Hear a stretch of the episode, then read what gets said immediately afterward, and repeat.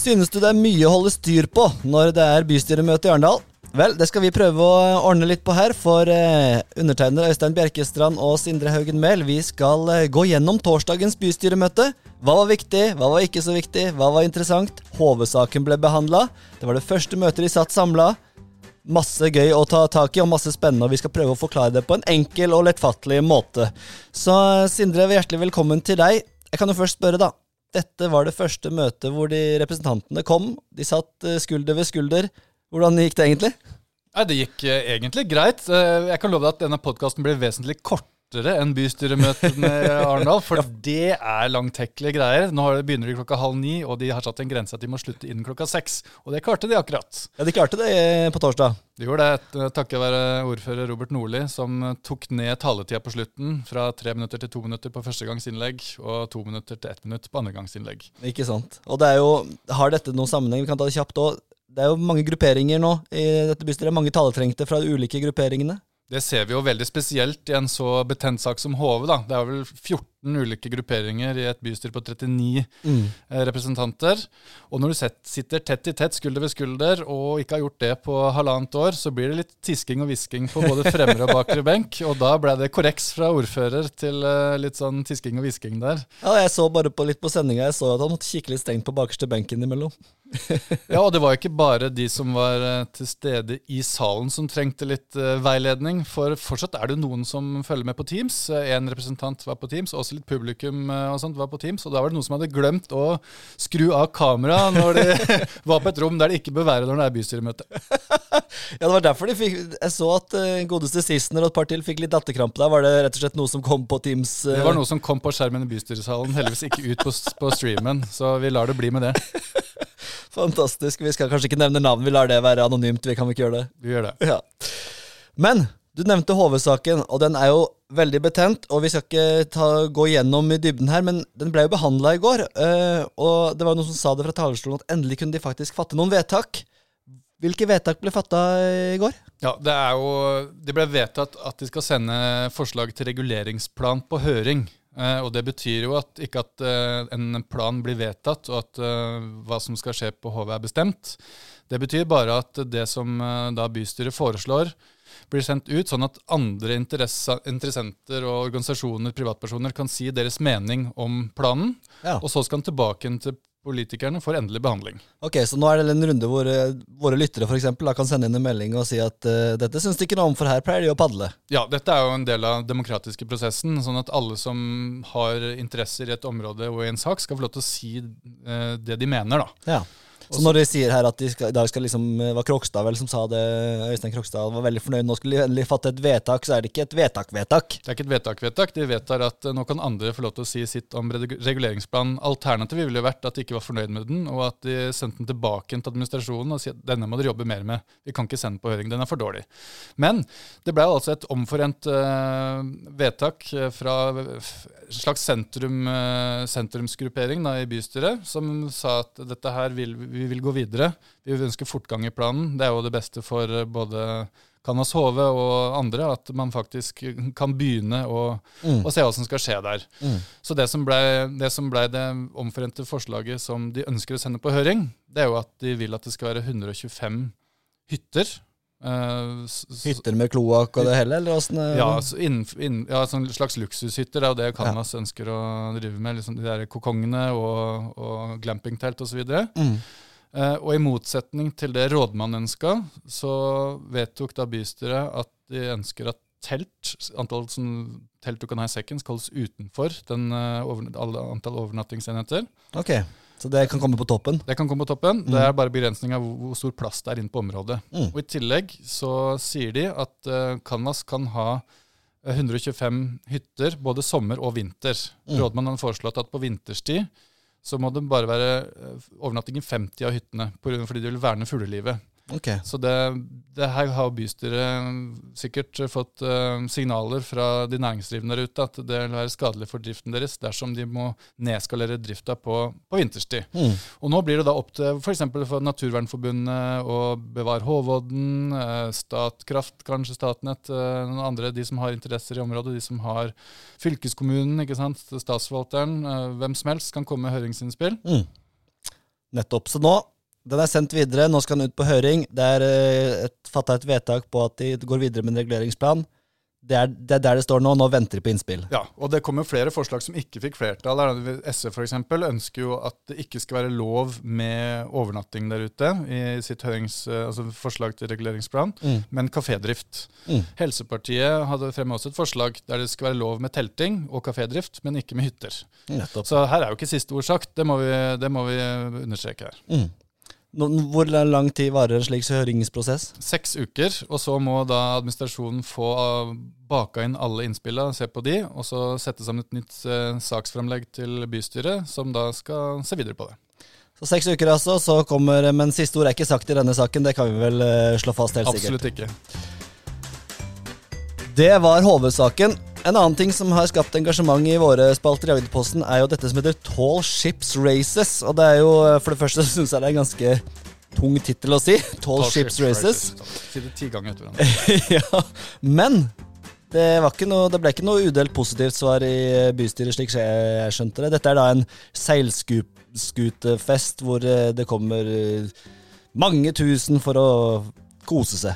Ja, det er jo en, eh, en, en ordentlig skutefest, rett og slett. da. Det er en internasjonal greie eh, der eh, seilskuter fra hele verden samles og kommer inn til eh, ulike byer i hele verden. Og så er det arrangementer og besøk om bord på skutene. Som i Kristiansand så var det jo Tall Ships Races i 2015. Det, er Jeg må bare spørre, Aner du hvorfor det heter det? Var det et race før i gamle dager? det må det ha vært. Ja. Nei, Vi får finne ut av det til neste gang. Vi får gjøre det. Nei, altså det som er jo at Arendal eh, har jo et byjubileum i 2023. Og de har derfor fått, kanskje også derfor de har fått en invitasjon til å være vertsby for Tall Ships Races neste år. Mm. Um, og det det er jo ikke sånn at man, man bare får dette arrangementet. Det koster jo også penger. Og man er jo nødt til å, ifølge Arendal kommune, så vil det koste dem et sted mellom 10 og 20 millioner kroner sannsynligvis. Eh, og Fra har- kommunens del? Ja, altså fra vertsbyen. Ja, nettopp. Så er det opp til de ulike vertsbyene hvordan de finansierer dette. her da. Og da sier jo Arendal kommune at eh, vi ønsker gjerne å få tolv til Arendal, men kommunen har ikke penger til å um, arrangere det. Mm. Og da sier de eh, et fors i forslaget som var i bystyret i går, at uh, vi sier nei til å um, være vertsby, Mm. Med mindre eh, private aktører, f.eks. næringslivsfolk, rik- Fossekompaniet. Fossekompaniet, spytter inn de nødvendige midlene som trengs for å arrangere det. Mm. Og da ble det litt eh, diskusjon i bystyret, fordi alle ønsker jo å få tolv skips til Arendal. Dette Mm. ville da vært uka før Arendalsuka og lagt opp til en kjempefest. Det vært, Å ja, nettopp. Så det tanken er før ja, Arendalsuka? det, det, det er før Arendalsuka. Ja. Så alle ønsker jo gjerne å få det, men Mm. I hele bystyret så er man jo innforstått med at kommunen, som er i en uh, trengt økonomisk situasjon, ikke kan bevilge de nødvendige midlene. Mm. Ja, for de må kanskje stå som en slags garantist, eller? De må garantere for en viss sum. Ja. Uh, sannsynligvis rundt 11-12 millioner kroner. Mm. uh, for Arendal sin del. Uh, og da var en diskusjon i bystyret. da, Skal vi si nei, vi, ønsker, vi kan ikke være vertsby, men hvis det kommer private som kan spytte inn penger, så sier vi ja. Eller skal vi si ja, vi kan være vertsby hvis det kommer inn private aktører som kan uh, spytte inn penger. ja, nettopp. Det er en liten vesensforskjell. Ja, det er sånn, Skal vi ha en slags positiv innstilling eller en negativ innstilling med forbehold? da? Mm. Og da landa jo flertallet av bystyret på at vi må si nei, men med et forbehold. Mm. Om at vi kan si ja dersom det kommer nok penger inn fra de private. Mm. Uh, og årsaken til at man valgte å ikke si ja, men med et forbehold, er at det kan hende at de begynner å samle inn penger, men ikke får nok. Og at kommunen da må bli tvunget til å stå for resten. At risikoen ved å si et ja blir for stor. Mm. For da har man jo forplikta seg. Mm.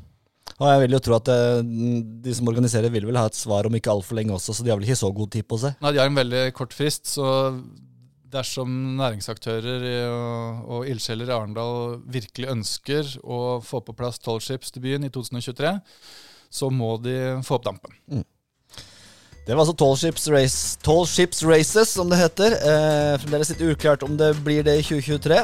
Det er i hvert fall på bordet, og da er det opp til eh, aktørene, private næringslivsaktører i eh, kommunen å se om man eh, ønsker å spytte i.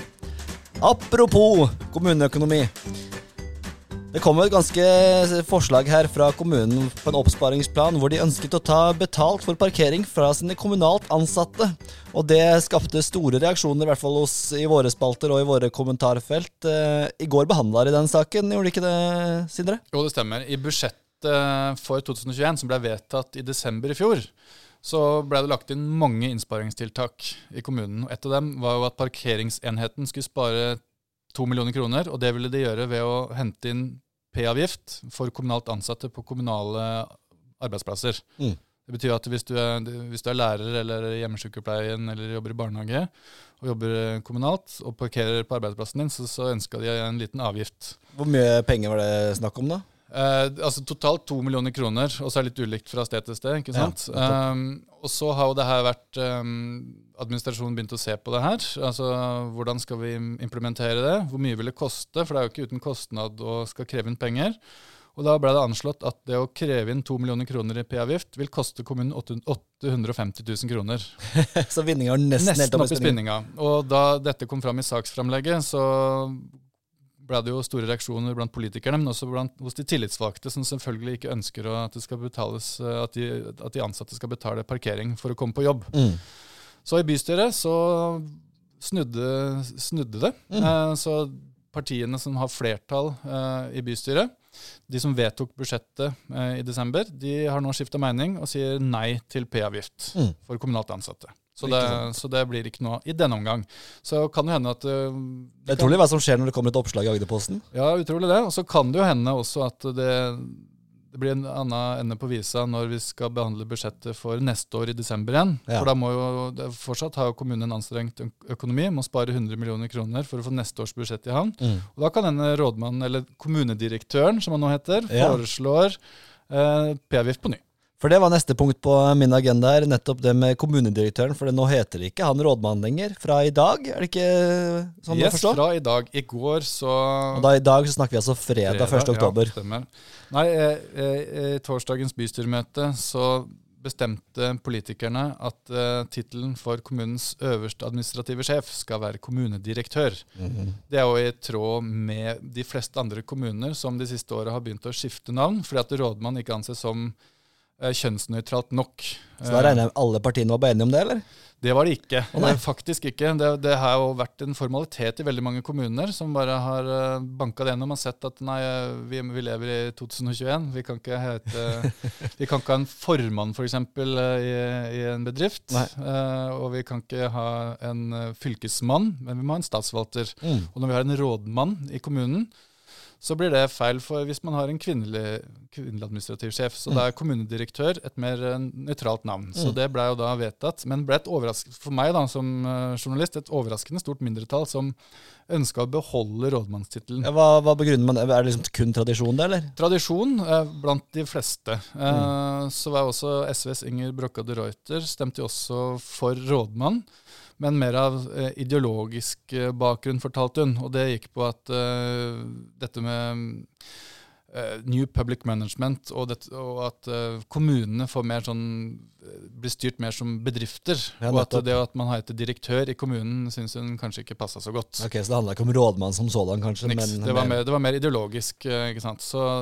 det var jo Senterpartiet, Pensjonistpartiet, eh, Helsepartiet, Frp og en fra SV som stemte for å beholde rådmann, mens resten da ville ha kommunedirektør. Og siden det ble flertall, så er jo det vedtatt. Så fra av i dag, 1.10, så må man titulere Harald Danielsen som kommunedirektør. Og dette blir faktisk hans tredje arbeidstittel som eh, kommunens øverste administrative sjef, for han ble ansatt av en administrasjonssjef.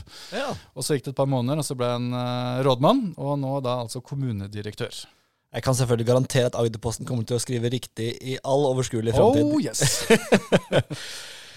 da tror jeg vi skal gå inn for uh, landing her, Sindre. Det var mye spennende som skjedde, mye interessant, og det var mange taletrengte. Er, hvor, når er neste bystyremøte nå? 28. oktober er neste gang, så da får vi se om det Det var en del saker som ble, ble utsatt. Ja. Så vi får se om det Måtte rett og slett skyve en del, for det tok litt tid? Det tok litt tid, så ja. vi får se. Kanskje man uh, har litt mer orden i rekkene neste bystyremøte. Da er kanskje ikke folk så gira å sitte på bakerste benk og fnise litt heller.